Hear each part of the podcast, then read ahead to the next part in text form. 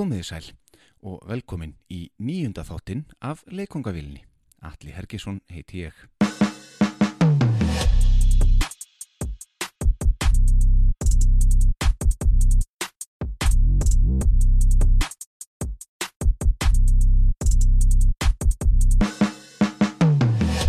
Það er ekki eftir neina að býða og við höldum áfram að hýta skemmtilega norrlendinga. Aftur þakka fyrir góða hlustun á þáttinn og eins vil ég þakka fyrir aðtóðsendir sem mér eru sendar. Sem dæmi þá kom það fram í síðasta þætti þar sem við hittum fyrir hann Trausta Haralds að hann hafi tekið upp lægið Dinimar 94 með Rúnar F um árið. Það er hreint ekki rétt en upptökustjóri þess lags hafði samband við mig eftir þáttinn og hreyti í mig ónótum vegna þessa. En samt ekki. Þetta var meira vinsanlega ábending frá upptökustjórunum Kristjáni Kristjánsinni sem reynda starfaði mikið með fyrrnefndum trösta hér á árum áður. En nú um það. Sem fyrr þá er það Estreja Dam léttul sem býður upp á leikungavélina. Gestur leikungavelarinnar í þetta sinnið er gítarleikari, bassaleikari, söngvari, lagasmiður, skáld, upptökustjóri sem hefur verið lengi að. En auk þess er hann mentaður grafískur hönnuður. Hann hefur náð þó nokkuri aðtegli upp á síðkastið enda metnaðar fullur tónlistumæður hér á ferð af lífi og sál. Annarkvort sem sóló eða í hljómsveitum. Hann er meðal annars gamall útdagsmaður en fyrst mann ég þó eftir okkar manni í hljómsveitinni Flow frá Akureyri en með honum þar voru meðal annars Karl Henry Hákonarsson sem síðar var meðlumur í hljómsveitinni Tenderfoot og Fridrik Flósásson en sá síðanemdi starfar einmitt aftur með okkar manni í tónlistinni í dag en nú undir nafninu Mosi eða Mosi Music. Þeir hafa verið nokkuð yðnir við útgáfi á nýju efni og gefið út tvær hljómblutur auk nokkura smáskjöfa. Okkar maður er skýrður Ingi Þór og er Tryggvason. En hver er sagan á bakvið Inga? Já eða ég meina Mosa. Kynnum okkur það. En fyrst að venju þá heyrum við lag sem tengir okkur við Inga Tryggva. You are working for the man. You better do the best you can. The bank can take your house away. Do you think shut up and pay?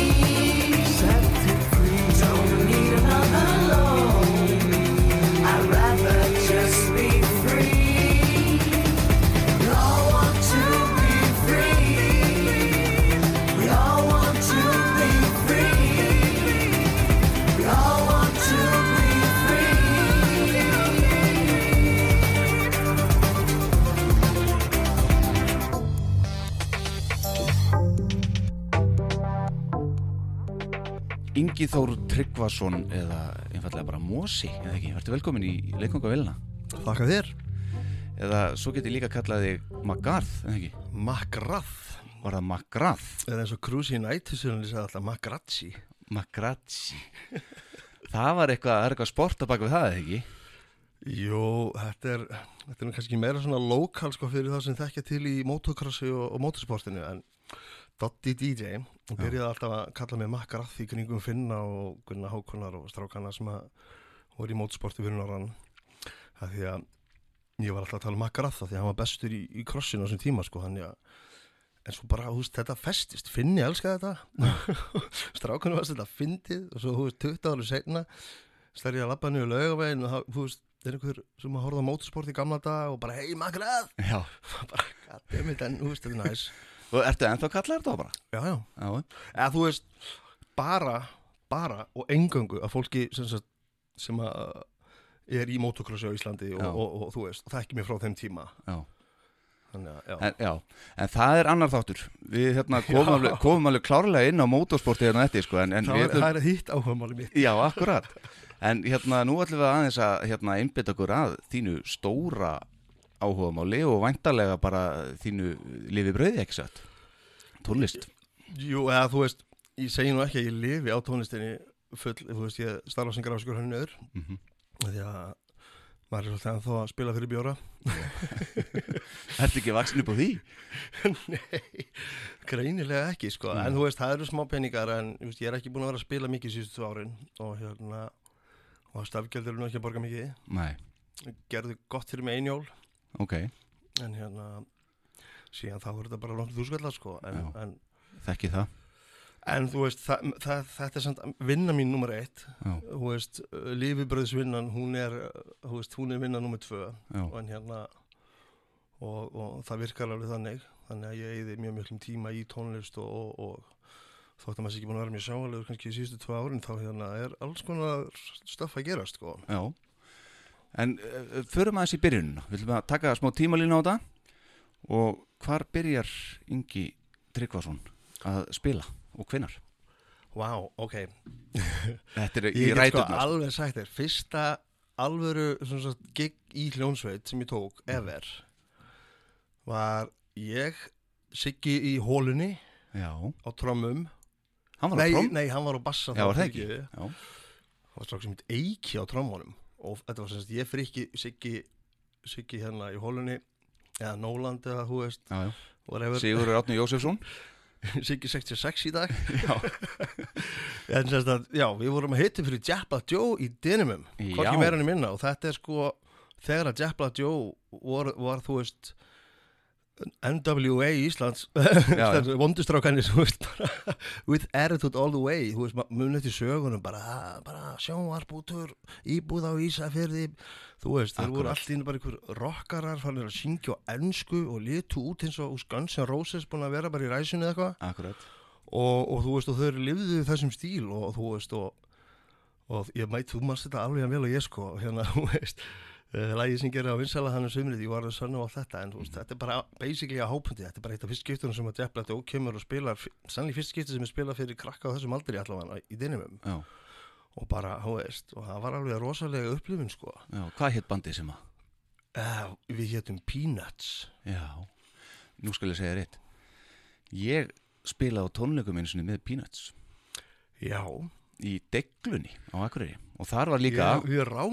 hún andar Smarty Pants já, já, já, og eitthvað svona meira god damn it man það var örugglega 93 eða eitthvað svoleiðis.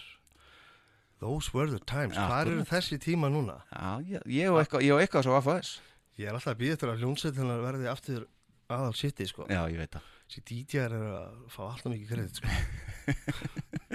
Segðu maður En Ég get þetta, alveg rantað í klukkutími það sko. já, það er líka annað þáttur. Verandi DJ sjálfur sko. Já, já, einmitt e, Og gammal útastmaður Mhm. já, En þetta er sennilega svona 93 eitthvað þannig.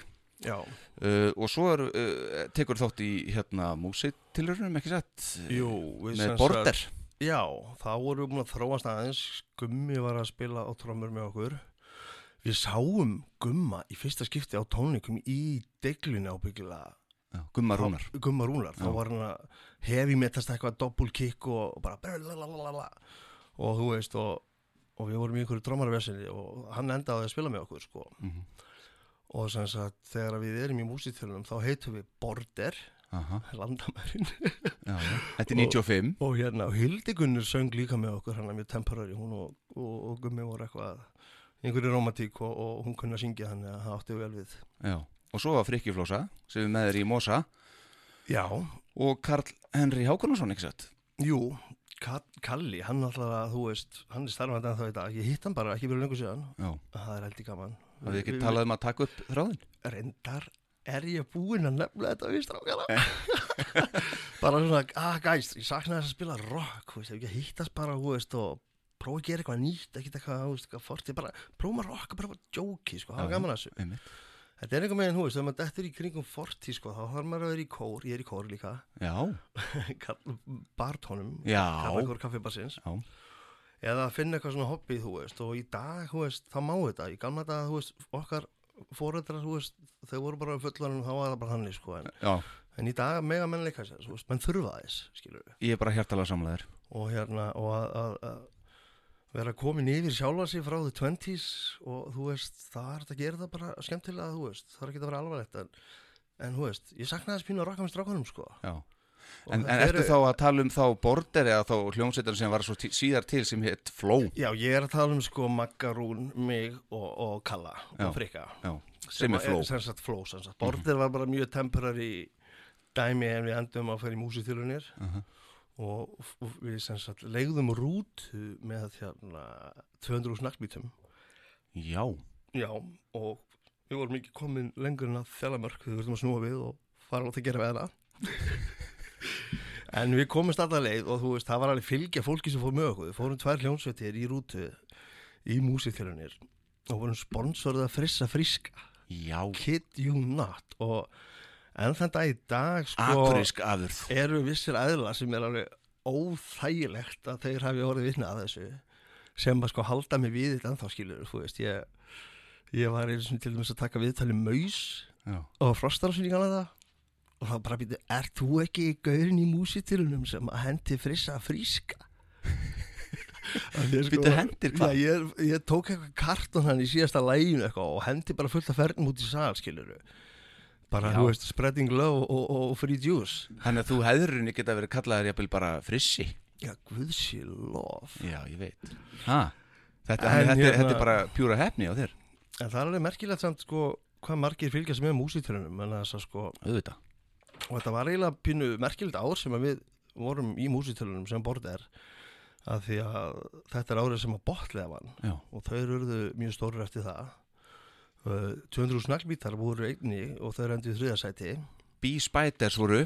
Jónsi Sigur Já, fyrir því. Sigurós þannig Sigurós bara basically, þau komist ekki eins og í úslit en þau spiliðu úslit á kvöldinu af því að þau voru valdir sem áhugaverðasta bandið. Já, já, Við komumst í úslit á samt 200 snabbítum Frikki vill sverja fyrir það að við höfum verið í fjórðarsæti ég veit ekki hvað hann hefur það heimildir en þú veist En allavega, þetta, þetta, það voru mörg, mjög góð bönd í þessu. Kristoffer hérna...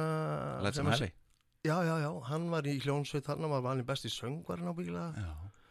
Þannig að þú veist, og... og Þannig að þetta er ekkit smá þetta, svona bara í flórunni þegar framlega stundir sem að er að Já, Grassera þarna, sko. Já, já, og svo, svo nefnilega maus þetta óþægilega í útastýðtæli henni ekki tíman. En annað sko, ég er nefnilega kynnist krumma björgunni sinni hérna eftir í flytt söður og við kynntumst í basically uh, búnings svona þemapartíi heima hjá vinnum mínum. Og ég lapp inn í herbyggi þar sem hann er að spjalla einhverjar tvær gælur, algjör rockstar og svo bara eitthvað, hei ég man eftir þér og músitilunum og svo byrjar hann að syngja lag sem ég actually tók í músitilunum Nei, ég var eiginlega bara búin að gleyma því. Hann kom með eitthvað svona part úr því sem að mundi og ég bara, what? Þetta er ekki að jók í mér og það er allavega, þú veist, frábæn áhengi og við höfum alltaf verið kunningja síðan þá sko en, Já, en eins og segi sko Já enda hann greinlega aðdáandi bara.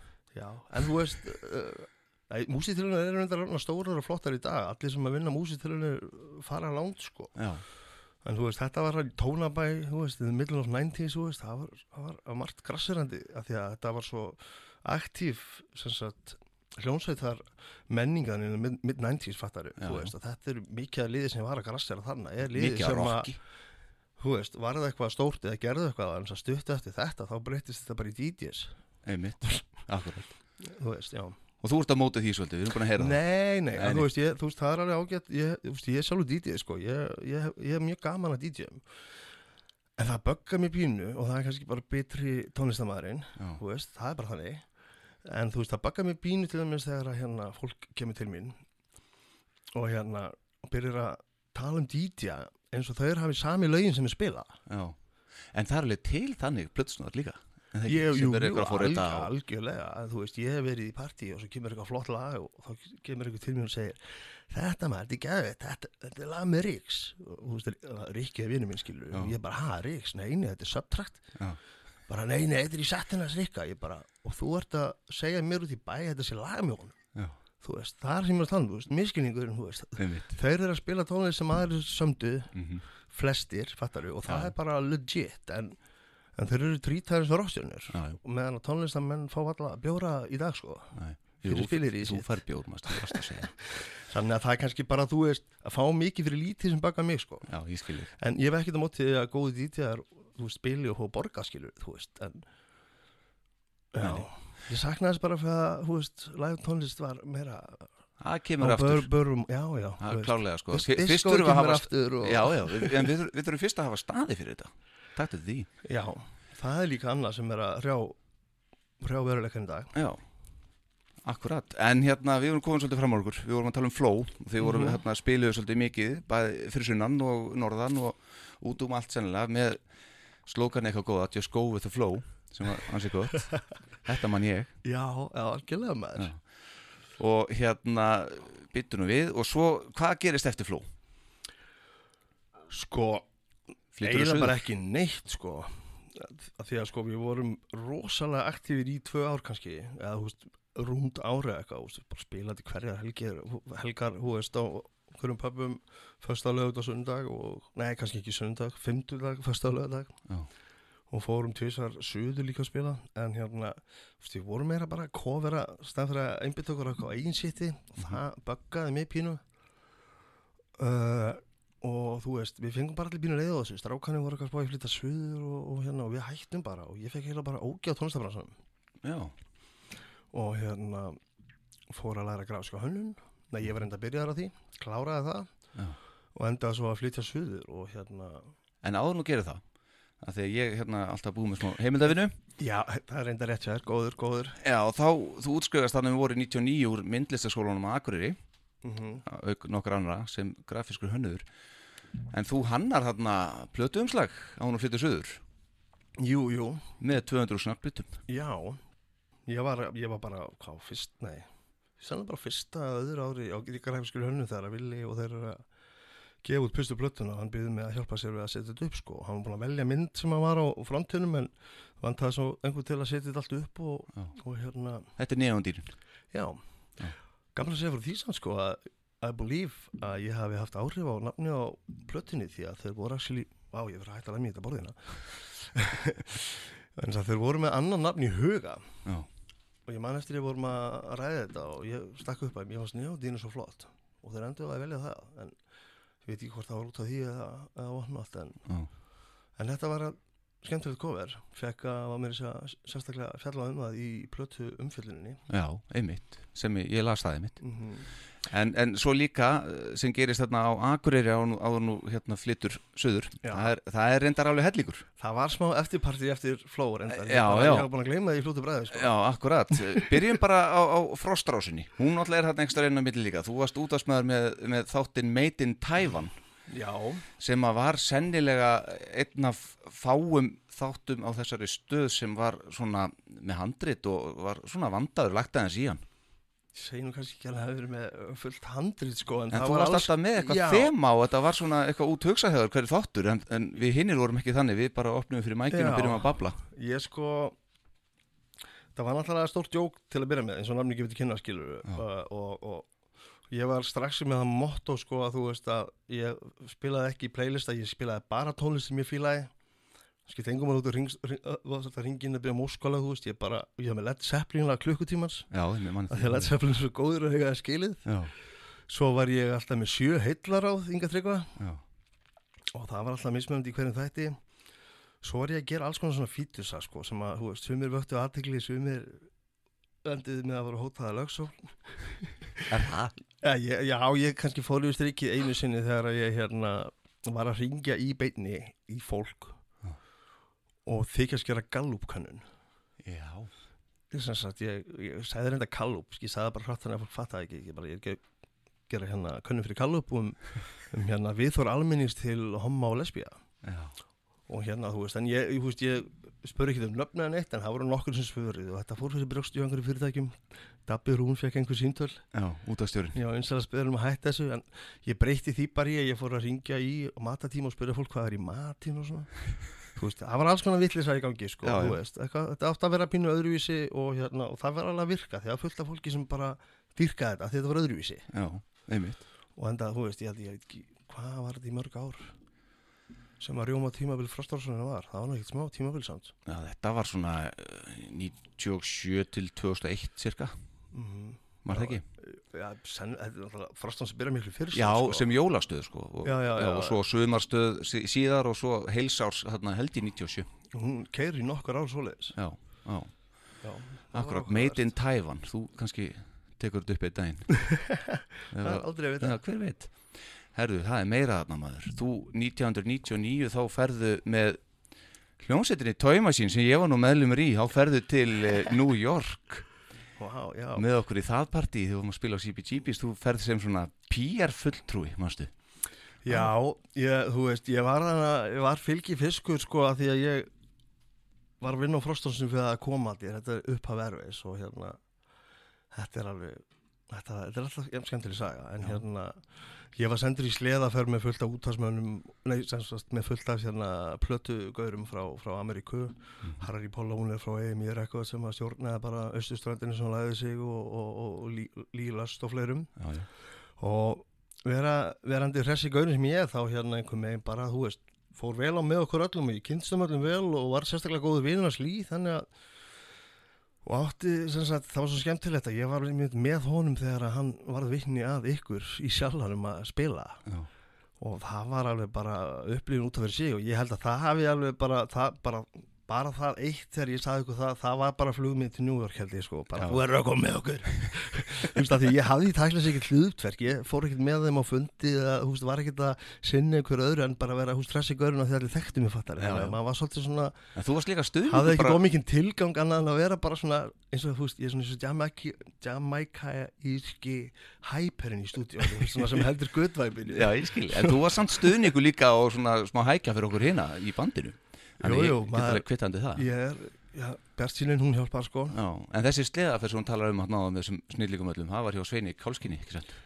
Jú, við fórum hann út fyrir bæinn og prófum sleða og hérna, þetta var gaman. Ég held að það er mest vakið aðtikli þegar ég sneri einhverju Nissan Micra við í heimreiðinu því ég svona sett í bakki og við á punktinum eins og maður gerir stundum. Þessum við erum þannig að kunnum þetta sem búum fyrir norðan en kanani voru bara you're crazy Já, þú varst heldur ekkert ákveðinu ram, sko, þú veist á. Nei, nei, nei, Micra Já, skilja einmitt. Fastur í uppkesslinu, við komist ekki upp brekkuna og hann, hún var ekki nóg breið til að snúa við Þannig ég ætla að gera á punktunum sko akkurat. Og- þetta, þetta var mikið skemmtilegt En sko á þessum tíma þá varst að keppa í hérna snjókrossi. Já, Þess að við komum nú inn á áðan, þú varst búin að vera í mótorsporti og, og keftir í Íslandsmótinu og svona. Og, ég, og ég tók eftir því, bara svo að ég komi hressilega, því ég er ekki viss um að þú gera mm, Þar lenduru 2001 í sjötta sæti í flokknum Pro Stock af sjö sætum samt. Herri, ég á nú einn byggar sem var annarsæti í hérna Í hérna, já það er samt, já, ok, það var allavega ekki byrjandaflokkurinn Nei, gott. þetta er svona Eh, annar flokkur eða ekki. Hvað á frá hvað gerðu að það? Þetta var, þetta var bara Íslandsmeistara móti 2001. Já, já, já, já, þetta, ég fór í tvær kemni 2001, ég braut höndin á mér í senni kemni og, Mm. og, og ég kláraði ekki eins og hérna kemni þannig að það útskýri sig mjög vel Já, ok. Já, ég skort alltaf þetta íþróttamanna, veist, það var eitthvað í form og efa sig, ég var alltaf eitthvað, þú veist, tónlistamæður fór sér bjór, þú veist, þú veist, hvernig þetta er? Þá spyr ég bara eins og algjör fáviti. Þarf maður að vera í hörku formi bara til þess að vera á svona sleðum og hjólum og Ég get alveg sagt Ég þér get alveg áttum á að se- maður þurfi að vera í ykkur formi en, en, að að keppa á snjósluðum og í mótokrossi er með því erfæra sem ég gerir. Já, ég það er alveg, þú veist, það er með sér búið að mælt þú veist, búið að testa þetta allt skilur þú veist, það er, motocrossi er alveg það er sannlega með erfiðar íþróttum sem ég getur stundað.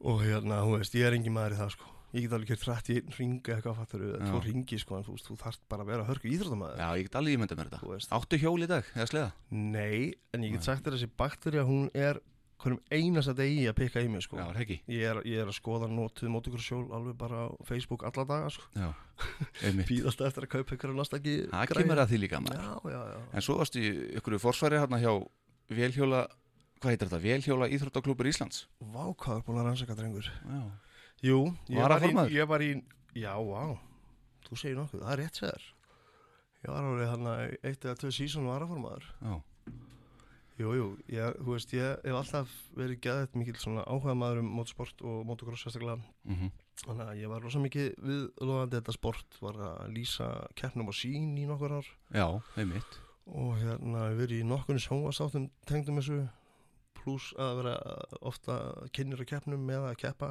Já. Minna Já, eina skipti sem ég kefti almennilega það var eiginlega rænt frá mér öðru setinu ná, út af einhvernum skráningar eh, misferðlum, fæksbrjálæður kjartana klustri maður fyrir ekki þetta aldrei. Nei Ma, Nei, maður gleymir ekki svona. Nei, já, því sko þetta er sko sex tíma kefni sem ég kefti einu sinna ári, stærsta kefni ásins Mm. og ég kefti einlega flokknum sko, þannig að ég kefti, kefti vanlega að gera menni sko tvílega og ég endaði öðru seti en skrá, ég var skráður í tvílega flokk og þegar hann búin að afhætta velunum þá fattaði ég að ég var skráður í tvílega flokk og hann vildi ekki breyta því eftir þannig að ég var í öðru seti basically en En ekki on the record Nope. Nei, skil ekki Herðu, í annað Og ég er ennþá áður og flyttu suður já, að því að, ég, að rétt já, það er alveg smá tónlist þannig að eftir við hættum í flow áðurinn fyrir söður Ok, hvað með það fyrst? Já maður, mannst ekki vinsalasta lagið á Frostrasunni hvað? 96 eða eitthvað? Já, byrju, það, varst þú sóló. Það var ég sóló nefnilega. Já, herðu, Trösti Haralds var hjámverðina síðast. Merkilegt maður, ég man alltaf hvað hautu Grettis fílaði það lag mikið. Var ekki hérna, já, hinn útastjórin sem sagt á móti Dabrún já, akkurat. eh, Tókstu þetta upp hjá Trösta eða eitthvað? Nei, Nei ég tók það upp hjá hann Kitta, mannst þetta Kitta Já, Kitta? já, já, ég Nei, sko ekki vel Kitta eftir Kvíta, honum það er annar. En Kitti Já. sem sagt sem var í þungarakkinu og breytti svo í teikn og hann var Já, eitthvað. ég kom inn á þennan Kristján í ingangnum hérna áðan Þannig að bara þannig að Já, já, já, Ég man vel eftir honum núna En ég myndi ekki eftir honum síðasta þetti og hann var sár nákvæmlega. Við Kitti nefnilega sko vorum að bralla saman og, og hérna og hann sem sagt aðstof með að taka upp þetta lag og sem ég gaf út. Hvað og það aftur? Það hétt Jú Já, og hérna Kalli sem var með mér í flow hann spilaði á gítar í þessu lagi svo fekk ég þrúði sem sagt uh, fyrir að skólasýsti mínu til að spila á fiðlu. Og, og síðan gerði basically, já, Kitty restina með beat og, og svo leiðis. En út frá því samstarfi fórum við aðeins að vinna saman og en þetta var gott lag. Já, man það. þetta var eitt vinsalasta lagið og fróstarásinni það árið sem að kom út sko. Já, já, alveg, já, Já. það var alveg ágætt sko. Alveg, þú varst að spila eitthvað live með þetta eða ekki? já, tókum eitt gig í gang í sjallan mér og, og sem sagt Kitty en, en þú veist, nei, ég raun og var ekkert sko. Ok. Síðan kom bara stóra pásan. Svo, Já, og í þessari stóru pásu þá gerist þú skemmtstæðandi. Mm, já, svona on the side þannig að alveg bræðið mínu sem að voru, voru í eða, þú veist, ég, var, ég var með í þessu og hérna Það var hinn frægi staður. sá, sáum að ráða DJ og, og sinna ýmsum hlutverkum á Klub 13 Club Og 13 hérna- Já, já, þetta var svona æfintýri sem við fórum saman í bræðinir og hérna þetta var alveg þetta var rosalega tímabilið, maður hugsaður út í það sko. Ég held að það hafi aldrei verið eins vilt skemmt hennar líf á Akureyri nema þú veist þessi tvö ár frá sko hvað, 98 til 2000 cirka bát. Að því að það sem gerist sko er bara daginn sem við opnum er dagurinn sem að var frjáls opnunatími mannst þetta því? Já, ég man þetta ekki, nei ekki það nákvæmlega var frjáls opnunatími á Akureyri. En ég man að ég var ofta heilu næturnar á þessu Club 13 stað, sko. Mhm. mm. Við vorum stundum með opið sjö sko. Já, já. Já. Fólk bara fekk ekki nóg sko. Ég var að spila til disco allan tíman og fólk bara búin að fá nóg og sjálfanum og þetta bara átti við þetta moment. Og þetta var svo vinsalt sko að við þurftum að setja rimla á rúðunar þegar menn voru að reyna að smikla sér og glugga. Já. Þú veist, byðröðin var hana fyrir utan þú veist, það var það var bara alltaf löng byðröð þú veist og, og, En og þið tókuð þarna, þetta var eitthvað, steakhús eða eitthvað svoleiðis, fine dining veitingahús sem að hérna þið einf- einfallega snýttuð í svona bara klúb.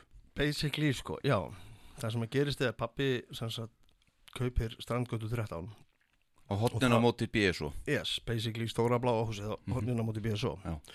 og þá er hún með svona hálf niðurgröfnum kjallara sem er bara sandur húst í gólfinu og bara drasl og labbar svona upp á aðra hæð og þetta er basically tveggjaða hús Mhm. og pappi fær þá snildar hugmynd að hérna kaupa þetta hús gera það upp nema að hafa með ás í erminni sko, hann ákvað að bæta við jarðhæðinni Já. þannig hann basically fekk gaur til að koma með tjakka að sunnan og við basically bara kliftum húsið að neðan. Tjökkum það upp Já. og smíðum basically jarðhæð undir Já. sem að varð uh, veitingastæðurinn og fancy dænstæður sem að Jöli bróður var að rekka sem hétt Játvarður Játvarður, alveg rétt. sem er í höfuð og afa Já, já, það er svona niknið sem afi hafi stundum já. en hérna, þú veist, svo bara gekk það ekki og það þurfti að gera eitthvað nýtt og það var bara breytið mér svo klúb já. Það gekk heldur betur vel í eitthvað tíma. alveg rosalega En það er ekki hægt að yfirgefa þetta nema koma inn á yfirlýsingu sem við sendum frá okkur 23. mars árið 2000 ah, já, vá í morgunblæðinu. Þar sem þið er að sverja af ykkur öll tengsl við meinta fíknefnasölu og að enginn af ykkur sitja bak við lás og slá nýð svo mikið sem hefur verið teknið til yfirheyslu sögum þessar. Þetta sé bara kjaftasögur. já, Segð mér þessu. já, það sem að gerist nefnilega er að þegar að þegar sem sagt opnunatímanum er breytt og fólk fyrir að jamma rosalega lengi og, og fólk skilur ekkit í því að hverju er alltaf veist, fullt hjá okkur þegar allir hérna lokar klokkan fjögur og svo er bara veist, brjálu stemning til sjö og það voru margir jealous sem, er, sem að kannski unni fyrir sjallan Já. og uh, þú veist, ég tel mér vita að einn ein þar uh, hafa allavega ekki að vanda sig við að segja satt og það voru komin fullt af sögum í bæinum að fólk væri bara uppdópaðana og veist, það var með þessar sögur að það var verið að setja e-pilur í veist, hver græðir á fokkins því skilur sorry, uh, tungumáli mitt hér en hérna það græðir enginn á því skilur En þetta er á svipum tíma og epilan er að koma. hérna. Já, sjálfsög, þetta hangi svolítið saman og fólk bara, þú veist, fólk fyrir að tala þetta er smábær, veist, það þarf ekki náma eitt til að koma einhverju sög á stað og þá bara flýtur þetta, en ég get alveg sagt þér það svona, að hérna að sko, það var ekki unga fólki í bænum sem allir held að vera að taka einhver reytulif sem að, sem að versta fólkið á, á klúbnum, það var fólki sem að koma af kaffi Akureyri og hérna pollinum þegar að lokaði þar og var fulla fólkið, basically Já. þú veist, það eru alltaf erfiðastu kúnani sko. Já, en hérna, En, en veist, af, af, af hverju voru hinn í staðin ekki með opið bara lengur að þegar mátti? ég bara veit ekki Nei. hefur bara ekki ræður í eða eitthvað Nei, um mitt. en við gerum það allavega og þetta bara virka en þú veist, þetta bakkfæraði líka þú veist, to the point að við þurftum að, að, að hérna, ef við vildum bara reynsa orðið það því að þú veist, maður var farin að heyra út um öllur áttum á mós, maður vill ekki þetta smábar, skilur við þannig að, það er örgulega svolítið sárt að þurfa að senda svona frá sér að ég tekið mér sorgnaði nú ekkert mikið mér, það var að fyndið sko Já. En var eitthvað neysla höður á þessu tíma? Hart er spurt uh, Nei, ég hef nú ekki sagt að ég hef verið mjög aktífur í, í, í, í hverju neslu fyrir það bara, þú veist uh, Bacardi Lemon Já. Og, og, og þetta er ekki mikið á þessum tíma. Já, en þú veist, ég maður var svolítið saklaus á akkuririnni í gamla dag sko og hérna og hérna, já, maður var búin að prófa ymslega því það alveg sagt það skilur en þú veist, það var ekkert eitthvað það var ekki brálega neslingangi eða eitthvað svoleiði sko, alls ekki sko. Nei, við vorum saman í New York en ég svo sem þekki það aðeins. Mm Herðu, á öðru, e, svo flytur þú suður, loksins. Að upp úr aldamótorum Og ferðu að vinna á auðlýsingastofu Hvaða stofa var það? það var uh, Nonn og Manni hétt hún Já. fyrir ég Já, heitir í dag NM, það var bara Já. nafninu breytt á meðan ég vann þar. Í- Jóni Sæmundsinni Já, Já. var þar í átta ár. Um áður en ég fór að vinna bara sjálfstætt og frílensa til þess að geta verið meir í tónlist Já, og stjórna mínum tíma sjálfur og svona. Þannig að, og ég gerði, þú veist, ég uh, var ekki neinu hljónsveit, var ekki aktífur sem tónlistamæður fyrstu átta árin eftir fyrir söður, sko. Þú veist, ég átti alltaf kassagitur heima, ég samdi tónlistfattaru Já. og hérna, ég vissi alltaf að ég ætlaði mér að taka hann upp og, og hérna, til að geta gert þetta allt sjálfur og hérna, tók bara smá tíma, já en já, Já. það gerist. En svo las ég nextar í rannsónavinninni að svo í hruninu 2008 þá hefur þú svolítið mist bara trúna á kerfinu og, og svona gefið skíti í þetta og, og hérna hætt í vinnunni og til að snúa í rauninni alfærið að tónlist Það passar, sko. Já, Það passar. Nonni grátt með bara, Ingi, hvað, þurruglaður? já En þá ferðu bara, hvað, verður mosi til þá eða ferðu í eitthvað solo fyrst eitthvað eða hvað? Um, hann var kannski ekki orðið Mósi endilega orðið þá sko en þá hérna er ég svona byrjaði að taka svolítið upp og sem sagt var búin að taka mér áður frí í vinnunni og fór í sumabústað í einhverja tvær vikur bara einn, ger ekki neitt annað en taka upp bara til að læra ferlið og, og hérna. Ertu alveg sjálfmentaður í því? já, allt sem tengist tónlist er basically sjálfmenta sko. Já, ég, ég átti að fara mentavegin eins og bróður minn og, og mamma þú veist það, mikið píanospil í minni fjölskyldu. Já, En þegar ég er sex ára að læra blokk, blokkflautunámið Já.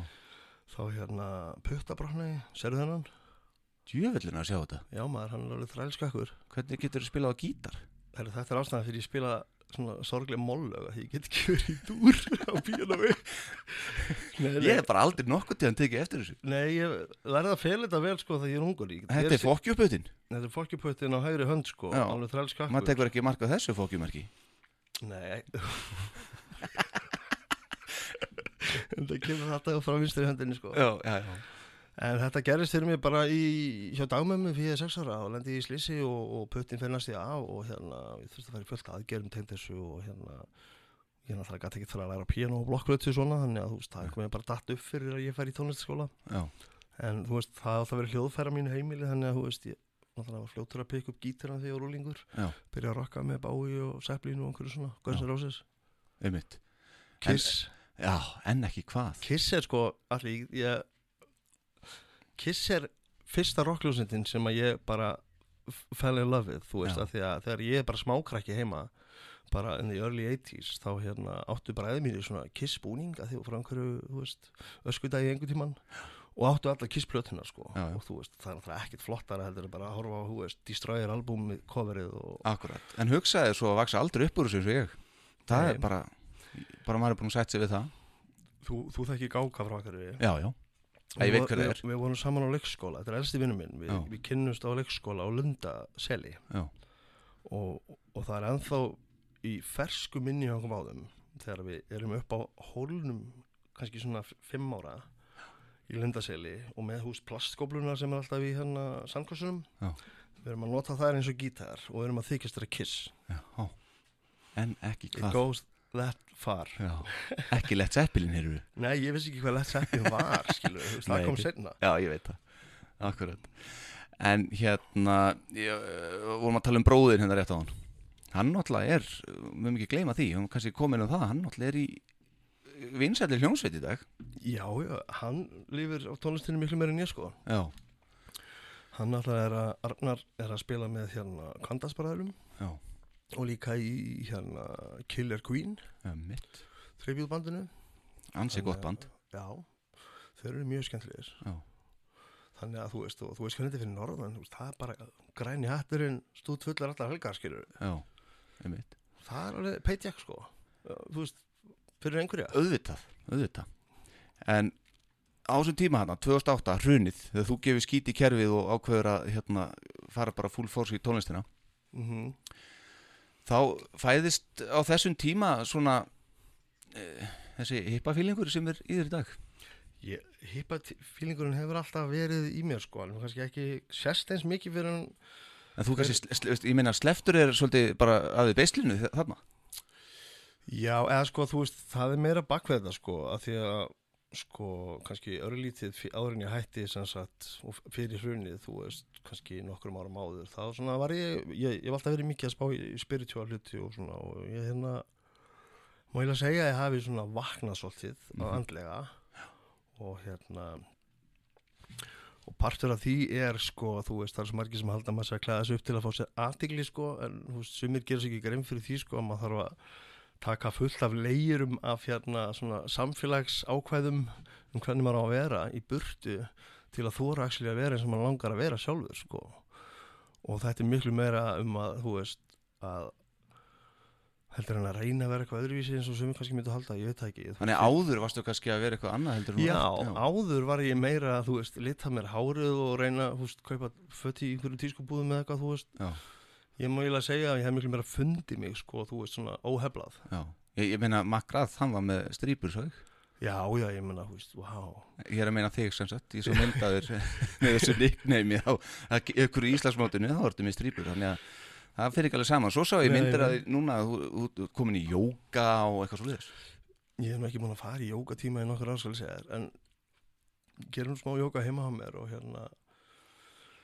ég er engin heilsugóður sko, Nei, því nei, sko, já, en, en jóka er svona, þú veist, ég, mér finnst ekki gaman að vera rektina og hérna, þú veist, mín reyning hefur alltaf verið tegnd tveimur hjólum, annarkoð dreifðhjóli eða mótorhjól og, og ég labba mikið með hundi minn, þannig að þú veist, ég sé alveg mína hreyfingu þar, en af öllu svona það sem ég þarf að fara í einhver föt, sitja í einhverju herbyggi með fólki og svitna, Já, þá finnst mér jóka kannski svona eiga mest við mig sko. Já. það er bara, já, það er svona ég er svo mikil introvert að jóka fer svona vel í mig sko þú veist, það er Þú ert introvert? mjög mikil introvert sko. Já, eða svona, þú veist, ég er eh, bæði extrovert og introvert, þú veist ég á auðvitað með að switcha yfir í að vera extrovert eins og Já. til dæmis núna. Já. Og á sviðinu en, og, já, og á sviðinu, þú veist, að ég hef aldrei verið með það sem ég kalla svona stage frights, fattar en ég, fyrir líf mitt, þá á ég mjög örf með að vera einn fyrir fram að því að spila lag, til dæmis. Já, þú veist, eða fyrir framann, þú veist, bara nána vini mína, ég er alveg rosalega feiminn, sko, já, og já, þannig að, en svo bara einhvern veginn svissast þetta, en svo þarf ég bara að fara heim að kvíla mig og ekki tala við fólk smá og, já, ok. og fara aðeins inn í innri heim. Já, hann er eftir þetta viðtal hér þá uh, kemur ekki upp orðið í núna bara nýja daga? Jú, ég kannski lifi eitthvað á orkun eftir þetta, sko, Já, já, ok. Eitthvað smá, sko. En hérna, þannig að þá get ég komið með þess að brjáluðu teikingu hérna.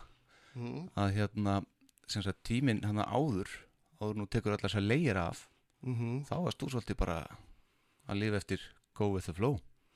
Já, já, ég hef alltaf verið svolítið, sko, þannig, ég hef alltaf verið hýpa krakki í mér og alltaf mikið svona go with the flow fattar og þóra að vera ég sjálfur þótt að þú veist ég sjálfur á sumum tímabölum hafi ég verið að reyna kannski að vera einhver sem ég var ekki, fattar við en þá var það alltaf að true to myself at that point Já. in a way sko en, en svo bara, eitthvað ekki, ég hef alltaf verið svolítið svona leit blúmer, ég hef alltaf vitað frá því að vera krakki. Og hérna vitað einhvern veginn þetta gerist hægara og senna hjá mér og hérna og mér finnst ég svona einhvern veginn bara koma meira inn í sjálfa mig hú veist, sem mann hú veist, með aldrinum. Mér finnst að fara mér og hérna það meikar allt pínu meira sams þótt að þetta verði miklu flóknara líka sko. Já, þannig að já, þetta fara að ferði vel. Já, eða þú veist ég held að ég er alveg sáttur þú veist hver ég er sko. Já. Nonni á NM, hann var að reyna að fá þau til að hætta við að hætta þegar þú hættir. Já, uh, en, en hérna honum tókst það ekki. Og en, hvað tekur við þarna? Þú ferði í sóla hlýtt að vera eitthvað eitthva erfið, erfið tímar bara að eiga fyrir reikningunum hann fyrst eitthvað, ekki satt? Já, ég get það bara alveg verið hinskilin og, og sagt það, ég ég hef verið væri atvinnulegs og fekk bænt fyrir smá tíma. Já, einmitt. Þá- Þú Og ert örgulega hérna- ekki svo einu sem gert það uh, en hérna, já, já, svo bara þú veist maður verið að dítja og, og svona, þú veist, með svona ímisjárn í eldinum, þú veist, á kantinum. Bæði, þú veist, verið að frílasa og þú veist, svona, berli lifa á því. Þannig að þetta er svona, þú veist, þetta er alls ekki búið auðvitað síðan, sko, þú veist, ég, þetta var þetta, þetta er erfiða leiðin, skilur, þú veist. Já, það er easy að vinna 9-5, sko. Já, já, Þa, þetta, þetta er mjög þú veist, En þú er ekki hvað ég oft hugsað um bara, þú tætti þessu það vinnu, sko. Já, en þú byrjar því ekki satt? Nei, Já, ég ok. samt Þú ert ég sem sagt bara fríl það, sko. Sest, Þú sagði að hann var unni, sem grafískur hönnur Þú meinar þú bara frílans þetta Já, já, ég vinn, Ok. ég vinn bara heima hjá mér, ég er með nokkra fastakonna og hérna og svo bara, tilgefandi verkefni, þannig að, veist, maður, það er ekkit öryggi í því, fattar þú, Nei, veist, maður kannski er mjög, mjög gott tótt mánuð og svo kannski tveir mánuður að maður frekar lítið, sko. Já, ok Þannig að þetta er struggle is real. Já, ég veit það uh, Herðu, ég finn bara ennþá inn, innfattarlega sko, ég er bara meiti vinna nýju sko. Já. Þannig að hérna.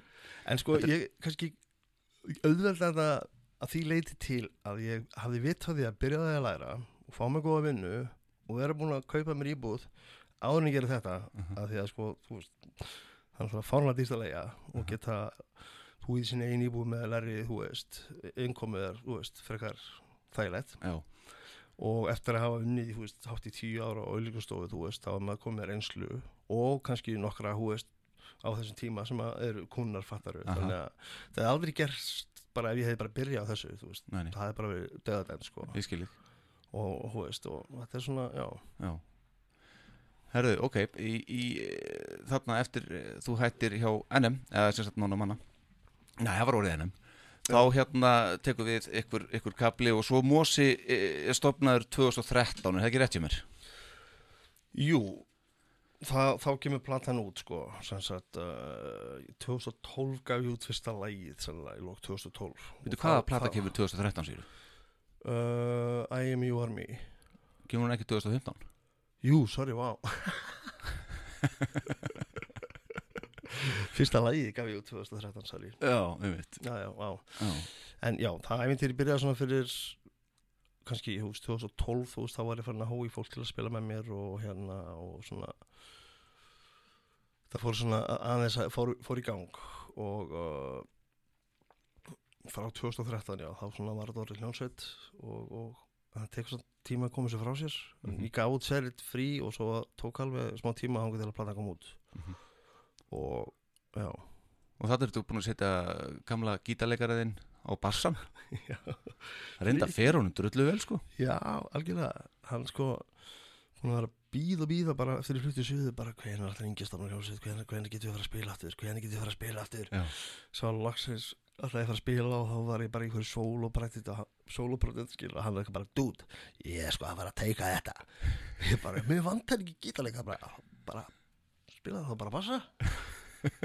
Þetta var bara til þannig. Já, já, en svo endaði ég að fá gítarleikara síðan með sko, en þá var bara fríkið hún á bassan og það er bara gaman að því sko, en Fór, og hann bara fyrir að kaupi sér bassa og, og, og reyka sig upp? Til að byrja með var spe, spila hann á lánsbassa. Hann er ennþá að spila á bassamagnara minn sko. Þannig að já já en, en já það var gaman. Við hérna þú veist þetta byrjaði sem og átti að vera soloverkefni uh -huh. En svo eftir að hafa gefið út fyrsta lægi og búin að spila og svona þú veist og ég er rosalega með ykkur Mhm. að þá hérna þú veist ákvæði þetta hljómsveit og hérna þú veist og lefa allum að vera með. Taka þátt í þessu fattaru ég lóti ég þú veist semja lögin taka upp og gera mér á minna 98% af öllu dæminu sjálfur fattaru Mhm. og það var mjög gaman og hérna svo kom alltaf bara ljós þegar það kemur að ég að fara að leggja inn í vinnu fyrir nýtt stöff líka að þú veist það hafa ekki allir tími í það skilur þú Nei. veist, fólk og krakka og fólk er vinnandi og, og hérna þannig að þú veist það endaði með því að þú veist að ég endaði eiginlega bara halva einn aftur sko Mhm. en Frikki og ég erum og Tinna hefum verið að starfa svona þrjú saman Já. og verið að koma fram sem Mosi En hérna- Mosi eða Mosi Music Hva, að það er líka annað sko að að, það er annað? Nei, nei, að þú veist, bara annar partur af sögunum já, já, já, að því að sko til að byrja með þá kallaðist ég þetta Mósi og skrái sagt eh, heimasíðu, að því að ég gæti ekki fengið mosi.is.com, það var í notkun. Þannig að ég skrái bara Mósi Músík fyrir öllu, e-mailum og, og alls konar staffi og Facebook og hinn og þessu. Og uh, I don't know, ég hef alltaf fílaði hvernig Roxy Music var með music í, Já. í hljómunum og mér fannst þetta hljóma og að fyrst þetta átti að vera hljómsveit á svona, ok, köllum okkur bara Mósi Músík já, og það var þannig, skilur og hérna, þú veist, þá gæti ég haldið mínu identity pínu, fattar já. en svo, Ert þú Mosi í Mosa Músík? já. Já, en sko Mósi Músík er eiginlega ekki lengur til. Þetta er bara Mósi í dag, sko. Og, og það er ég og Frikki og, og stundum tinna já. En sagt, þið gefið út þarna plötu 2015 I am you or me. Mm -hmm. og hérna við heyrðum einmitt lag af þessar plötuðin áðan já, og hérna ég, ég sá að Arnar Eggert Thorotsen uh, segir í plötudóminu sínum að hérna að uh, hann var mjög ánægð með hana tinnu til dæmis. Mm og hann sagði að þarna væri komnir uh, hittara smiðir sanniði til já að, það er endur ekki Arnar ekki Tólusson sem á þetta kvot, það er Hjalti Herðu það er rétt hjá er að Hjalti Kristjánsson í morgublaðinu sagði já, þetta. já, já, að þarna væri hittara smiðir en hins vegar þá var Arnar Eggert Thorotsen hann var mjög ánægð með tinnu Mhm. en sagði að þyrfti samt aðeins að vinna í svona öðru á bakvið og þú tekur það svolítið á þig ekki í upptökustjórnun sá ég svo síðar. Jú, jú, algjörlega, ég meina, þú veist, allt sem hann sagði var eiginlega rétt, sko, þú veist, og ólærður, hefur aldrei tekið upp að blötufattar, en maður er bara gera þetta í fyrst skipti og, og hérna, það er bara eins og það er, uh -huh. en hérna, en maður lærði mikið af þessu og hérna, Hvar tóku hann upp?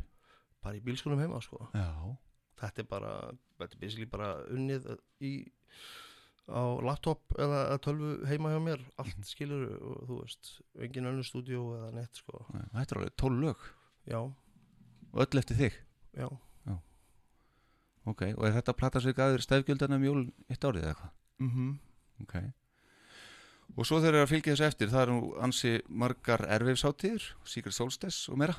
Ég, já, ég er búin að sækja mig helviti margar erfisáttíðir og solstis en ég komist þessari erfis Já, ég hef oft, miklu ofta ríkja öfnið svona sko. Já, uh, ég komist fyrst ára solstis og ég veit ekki, þú veist, það er bara eins og þess að fylgi mér svart ský stundum sko að því að sko ég uh, síðast við vorum að spila solstis þá fengum við solstis, þá hérna fengum við alveg príma spot sko fjögur á laugadegi á stóra sviðinu fyrir framann það sem að, þetta var árið þegar hlýðin á höllinni og svona torg með fullt af básum akkurat fyrir framann sviðið þú veist þannig að bara ef, þetta, ef veðrið hefði verið eins og á föstudeginum þá hefði verið einhver þúsund mannsar já, og hefði verið awesome síðan vildi svo skemmtilega til að það var rokk og rigning og klukkan fjögur byrjaði líka landsleikur. Þetta var Ísland að spila um fyrir hinsmýstarakernina eða eitthvað álíka oh my god. Þannig að þú veist, það sem hefði geta verið, þú veist, gig sem að breytti ferðinni innum, en það hefði að vera svona 50 manns í rigning að horfa. Já, Það er ég- Það sökkar alveg feitt, sko, Já, og hérna það var búin að lofa mér að bæta þetta upp, skilur þú veist, en svo hafnið mér nokkur sinnum eftir það, þannig að fuck them. En byrju, Erveis, hvað hérna, nú er ég bara að spila tvisvar spilað þar, Mm sem sagt 99 á fyrstu hátíðinni og svo 20 ára ammali núna í, hvað var það, fyrra? -hmm. uh, en ég hef aldrei farið í þetta ferli að sækja um. Nei, það þurfa flestar að gera það nema hún sést orðin eitthvað stór, sko. Já, Þeir eru ekki að ringi, þú veist, neina nema útlenska listamenn og monsters og menn, flestir fara bara og, og, og það gildir mjög margar uh, tónlistar hátíðir, ef við langar að spilningstar, þá getur bara sótt um að tónlistar hátíðum hér og þar, sko. já, Það er ekki allar tónlistar hátíðir sem eru með umsóknir, en erfis er eina þeim. já Þannig að já, En hefur ekkert uh, farið erlendis að spila? ekki ennþá, það er uh, st- staðið til oft, en, en hérna, það er einhvern veginn oft vant að bara pussið í þetta, eða kannski, já, það er býn erfitt að standa í sein, sko. Já, og hérna vantar hérna oft stundum smá pepp eða eitthvað, I don't know. En það munnaði litlu í, uh, á þessu ári og við fengum tilbóð eða sem sagt og var verið að byggja okkur að spila ásvætti fyrir eitthvað síma fyrirtæki í hérna Slóviníum Já. sem að fór næstið í gegn en þau endur að bóka Fufano sennilega því að engin vídeo til að sína þeim En byrju, hefur ekki vídeo? það er svona live video proper, Já, proper, ég skil. proper, En talandi vídeo, segðu mér þá söguna því að því að talandi um þetta lag Set, uh, set It Free sem við heyrðum á hann mm. þá hérna gerður þú tónlistarvídeó við það lag og það kom til á svolítið skondin hátt Já, það, það var mjög skemmtilegt hvernig það kom til hérna. þetta vídeo eru þetta á YouTube Já, endilega smellið á það ég hafði ekki séð það áður frekar einmitt. en hérna það vil svo skemmtilega til að sagt, þetta er fyrir ég er að byrja þarna fyrsta lagi sem ég gef út og um sumarið þá hérna ég man ekki hvað ár þetta er en það vil svo skemmtilega til að Jón Teitur vinur minn á félaga sem hann var með í skóla í Hollandi sem að er leikstjóri Já. og, og sagt, þeir voru að koma til Íslands uh, þryggja manna teimi til að mynda tónlistavídeó fyrir Sander Van Dorn Já. sem er eitthvað svona hollensk uh, techno-stjarna, fattar við plötusnúður eða ekki?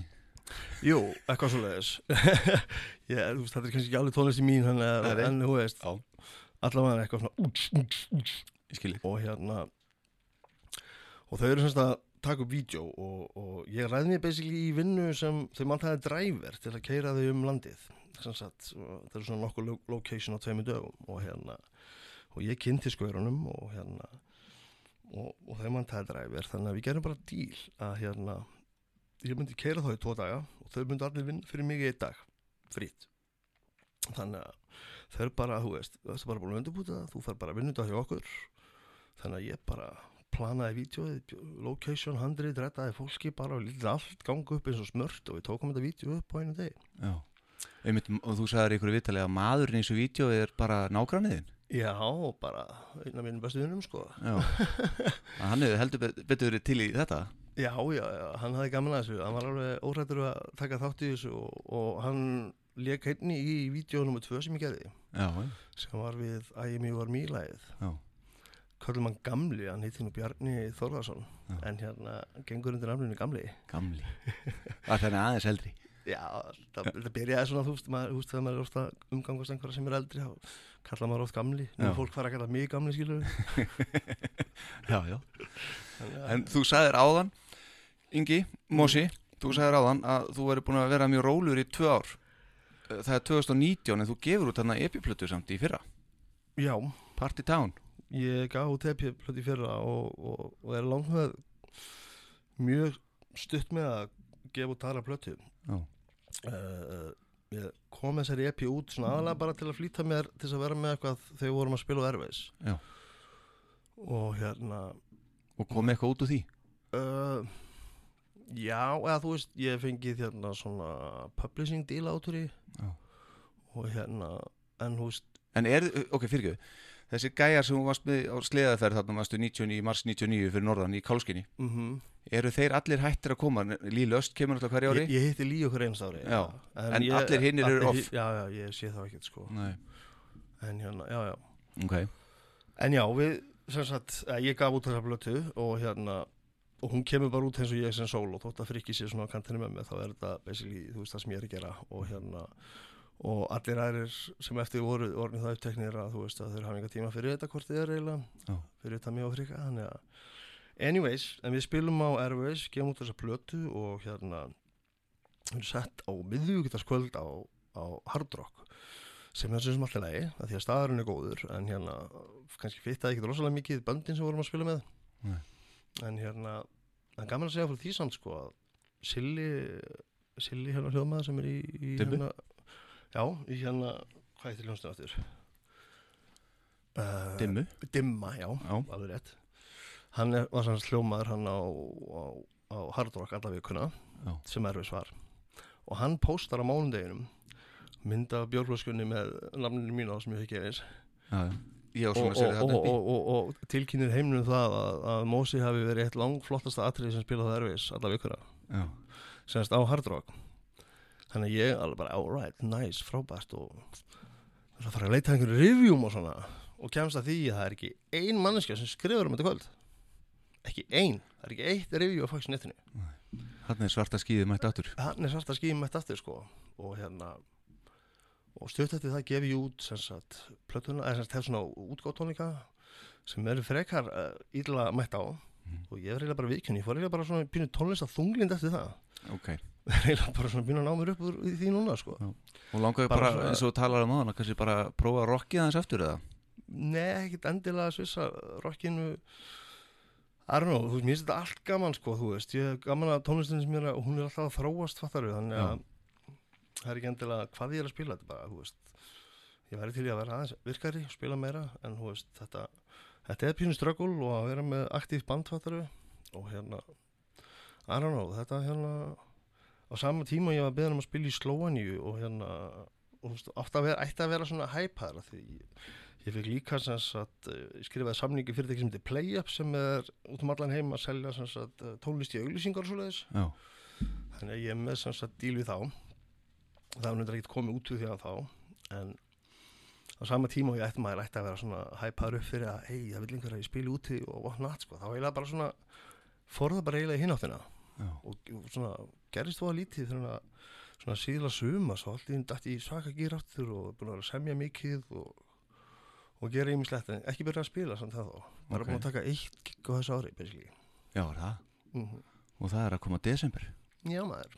Þú varst ekki á erfiðs núna þá eh, Nei, ég sótt ekki eins og um þessu ári sko. nei, ég skil. Ok, bara, þú veist já. herruðu, ok.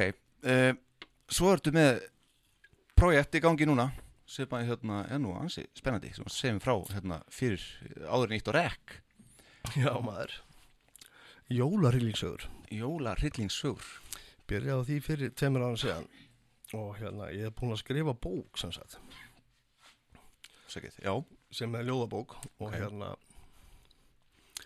sem að sem sagt, þetta er þetta eiga að vera marga sögur en þetta eru svona smá sögur sem eru sagðar í ljóðum og eru svona þú veist, fjalla um gömlu íslensku jólasveinina grílu, tröll og alva og þú veist, og, og þetta, þú veist, þetta á ekki að vera svona sikur húðað þú veist, þetta á að vera þetta og fullkomlega nam- eitthvað já, þetta, þú veist, þetta er ekki kannski fyrir allra yngstu en þú veist, þetta er, alveg, þetta er svona Harry Potter og uppur fattar Já, þú veist, þetta er ekki hryllingur hryllingur þú veist, það, þú veist, það deyr einhver en þú veist, það er ekki grafík lýsing á því þú veist, þetta er bara sagt í ljóðum þannig að maður býr sér svolítið til sín einn heim, fattar þau. Aha, síðan er ég að gera sem sagt tónlist með þessu líka og, og, og ég er búið með eitt lag og byrjaði á margum öðrum en ég ætla að byrjaði að gefa bókinu út af því hún stendur alveg ein og sér.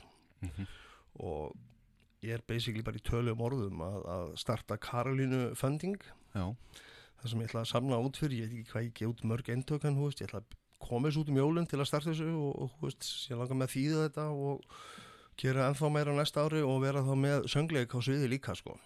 söngleik Já, basically, eða þú veist, kannski ekki söngleik, þetta er, veist, þetta er bara þessu síning, Mhm. þú veist, að því að sagan er öll sögð í ljóðum, þannig ég sé fyrir og, og, og ég ætla að gefa þetta út einnig sem hljóðbók, fattarum, þannig að þú veist, það verður sögumadur og það verður svona atmó tónlist undir sögumanni sem að fer svo yfir í lægið sem að kemur með hverju síðu eða hverju ljóði fattarum Mhm. og, og tónlistin er svona eins og framlenging á söguna, þú veist þú veist ekki að missa neinu þóttu heyrir ekki lögin en þú veist, það er bara svona karakterinir að lifna við sem að bókin fellar um. En með því get ég basically búið til svið og verið með sögumann og verið með svona tralla og álfaband og, og hljónsveit sem að syngur og svo þegar karakterina lifna við þá koma söngvararinn á sviði og taka sér lag og þú veist, þannig að það er þetta að sína bókina á sviði líka með Mhm. tónlist Já, sem áttur að vera alveg geggjusýning. En sérðu þegar- stað til að sína þetta á? Uh, I don't know, kannski, ég veit það ekki uh, I don't know, gamla bíó, Östubæða bíó eitthvað, þú veist, ég held ekki farið og stórt til að vera með, sko, þú veist, en Ok, aðalega bara að hérna komið sér í gang og ég ætla reyna að koma núna að lægi spili, spilun í útvarp núna fyrir jól. Já, og það er lægi sem að þú kannski rennir henni gegn síðar meir. Já, endum á því og eftir. Mm og hérna, já, þetta er mjög áhugavert eins og segi, þetta er allt sagt í ljóðum og, og þetta, er- þú veist, þetta eru svona sögur, þetta eru smásögur og fyrsta sagan heitir Eldingaleikur við grílu, þetta fjallar um að gríla tekur stúlku í misgripum hún tekur svolítið góða stelpu sem fekk frekkjukast uh, momentarily. Já, og, og strákurinn fyrir að reyna að bjarga henni og hann lendir í alls konar æfintýrum hittir álfa og fer í huldu heim og, og, og, og ímislegt en hérna já, Hver- hvernig færðu svona hugmynd? Hva, hvað verður til þess að þú bara byrjar? Know, uh, já, þetta byrjaði sem djók að hljómsveitræðingu í kringum jólin einhvern tímann fyrir nokkrum árum þá byrjaði ég að spila eitthvað lag og bara hei, þetta er svolítið jólalegt og þetta verður þetta fyndið. Gera við mosa. Svo allt henni fór ég bara heim og skrifa lag og bara, heyrðu, þetta er ekki svo vittlust og svo bara byrjaði og svo bara gerist þetta. Já, en ég hérna sko, ég er ég held að söngleikir og svoleiði sé svolítið sem að fer mér. Ég er, ég er mjög að fer mér svolítið söngleika tónlist og svona og tólka í melodíum þannig að hérna, I don't know, þetta er eitthvað sem að kemur frekar auðvitað fyrir mér Já. og hérna og ég er mjög gaman af þannig að, þannig að ég á eftir að gera meira af þessu í framtíðinni og, og ég ætla að gefa út fleiri jólahelgingsögur af því að sko það koma kannski, það það eru þrýr jólasveinar sem koma fram í fyrstu sögunni. Þetta er basically saga af mannfólki en svo inn í söguna, þú veist, blanda skríla og, og jólakötturinn og, og þurra skellir einhver. Og svo kannski í næstu sögu er einhver aðri jólasveinar já, þannig að þetta eru svona eins og smá sögur af Íslandi og þetta verða marga sögur. Ég ætla að fara fram og aftur í tíman ég ætla líka að vera með sögur af jólasveinunum sem Gríla átti áður en að hún egnaði sleppalúða það eru yfir 30 eitthvað jólasveinar og jólasvengur by the way Já, þú já, veist, einmitt. þannig að það þarf einhver að draga það fram í ljósið. Já. Komin tími til maður. Já, það verða betri vondi jólasveinir að því að, þú veist, seriously hversu betur er maður ef að, ef að móðurinn, Gríla í þessu tilfelli ákveður að fá sér nýja mann ég til pappaðinn og segir ykkur bara fara. Já, það er ríkalegt að lendi í Það er þessu. alveg mörg issue þar í gangi á bæ hann, já, þú veist, það áttur að koma í einhvern sögum í framtíðinni en, en það er svo margt áhugavert í íslensku þjóðsögunar og hérna, sem að, mér finnst enginn verið að nýta sér almennilega, Nei, þú veist, ef maður hugsa um tröllabakar á Íslandi, þú veist, þá sér maður einhverjar tjöppi sveitafólk með fléttur einhverjum hérna pikitón myndunum hann, Já, já. það er alveg sætt og næs sko, en það er eiginlega eina sem maður sér fyrir sér sko er Þessar byggistón myndir sögunar eru mjög áhugaverðari. Já, þú veist, hryllingurinn og allt þetta þú veist, akkur heldur að Lord of the Rings í svona vinsælt og Harry Potter að því að það er eftir pínu að fara í ógeði tröll og eða, Einmitt, fattar þú já, veist. og, og meiri segja sko sem kannski margir vita ekki er að Tolkien sem skrifaði Lord of the Rings hann er mjög áhrifaðar af íslensku þjóðsöngurum hann var með íslenska þjónustustúlku hann lærði í íslensku já, og stúdiraði íslensku þjóðsögunar og get this, í íslensku þjóðsögurum þar eru við með álfa þar eru við með tröll og þar eru við líka með dverga sem búa neðjarðar og eru sérstaklega handlagnir. Það eru meiri sér til hafmegar í íslenskum þjóðsögum. Já. og hérna, mér langar svolítið að fá þetta gamla upp á yfirborðið á þess að strá kíló af sikri við það og leifa því að vera áhugaverður og, og finna, þetta er húmor og smá darkness Já. en það er í þessu líka sko. Einmitt og auðvitað fullt hann í, í í gangi sem að í þessu málum sem að er ekki tengt jólunum sko eins og þetta nefna já, já, algjörlega sko Já. algjörlega. þannig að þú kannski bara tekur nýja árið með þessi verkefni Já, að ég, það er planað, ég ætla að gefa út ári ég ætla að gefa út þessa bók á þessu ári en ég ætla að taka hana áfram á næsta ári og, og, og klára lögin og koma þessu almennilega frá mér Mhm. þannig að það var ekki jólasýningin 2002 2020 minni Já, akkurat setja með hana 2002 sýninguna En þú veist, þið sem hlustið, þú veist, skoði Karolína Fund og endilega kaupið ykkur eintak. Þetta verður komið bara á neti eftir einhverjar daga Já. eða vikur. Já, og Ekki, ekki vikur, viku. Art, artverkið er flott, þú sýndir mér það og þú náttúrulega sem grafiskur hönnur og fer létt með það með eitthvað teknara með þér Já, ég er með Þórir Selín sem er að tekna fyrir mig, alveg sérstaklega fær penni Já, og hérna restin að sé ég um sjálfur. já Herðu, Ingi, Ingi Þór Tryggvason Yes, Mósi, yes, allir. uh, McGrath Yes, passalega. Já. Verði ég að gleyma einhverju nöfnum með það? Frissi? Nei, Nei, nei, nei, nei, það- við erum það ekki að fara að byrja þetta. Nei, það var ekki, akkurat, ok. Það er búið offa það. Þú ætlar að enda hérna heimsóknina þína hérna hjá mér. Þú ert að fara upp á flugvöldan á í foreldræðina, hafa með skilst. Jú, eru þurfum að fara að hætta þessu. Þau eru að koma frá Spáni. Já. Hérna, þú ætlar að lesa eitt af þessum ljóðum sem við varst að tala um. Já, og við ætlum að heyra, hvaða lag ætlum við að heyra? Við ætlum að heyra bara, sem sagt, ég ætla að lesa fyrsta ljóðið í bókinni. Mm og lagið sem kemur eftir því sem að væri þó fyrsta lagið í, í, í söngleiknum. Og svolítið svona þema sándið yfir, þú veist, það er svona rí, sánd sem endur taka sig út fattari verkið, Já, þá tengist það svolítið þessu lagi. Ok, og þetta svona gefur svona pínu kannski smjörð þeiminn að því hvert ég er að fara með þessu. ok. Takk kærlega fyrir komuna. Við heyrum þetta ljóð núna. Mm Gangið er bara rosalega vel, Ingi. Herru, þakka þér kærlega fyrir allir og bara kærlega þakkir fyrir að fá mig hingað þetta var bara mjög gaman og honum bara, þú veist, við höfum eitthvað að tala um í framtíðinni Heldur betur. Býður aftur eftir 20 ár. Já, þokkalega. Hafða það fimm. Til er eiga sem kend er við ís, er veturinn langur við nóttina frís. Á sumrin er sælt og bjart alla daga, þá börnin leika sér óhrætt í haga. Álvar og tröll í fjöllum þar búa og jólasveinar sem á gott fólk trúa. En ekki er allir sveinanir góðir, sumur eru vondir, bitrir, jafnvel óðir. Jólin sem koma er myrkur sækir á, mannfólki þarfist að haga sér þá. Svöng tröllin öll vakna og sækja að byggð, súr lyktin að þeim þykir viðurstigð.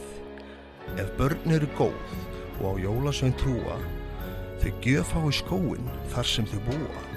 En óþekkir ormar sem alltaf eru í fílu, munu allir enda í pottinum hjá grílu.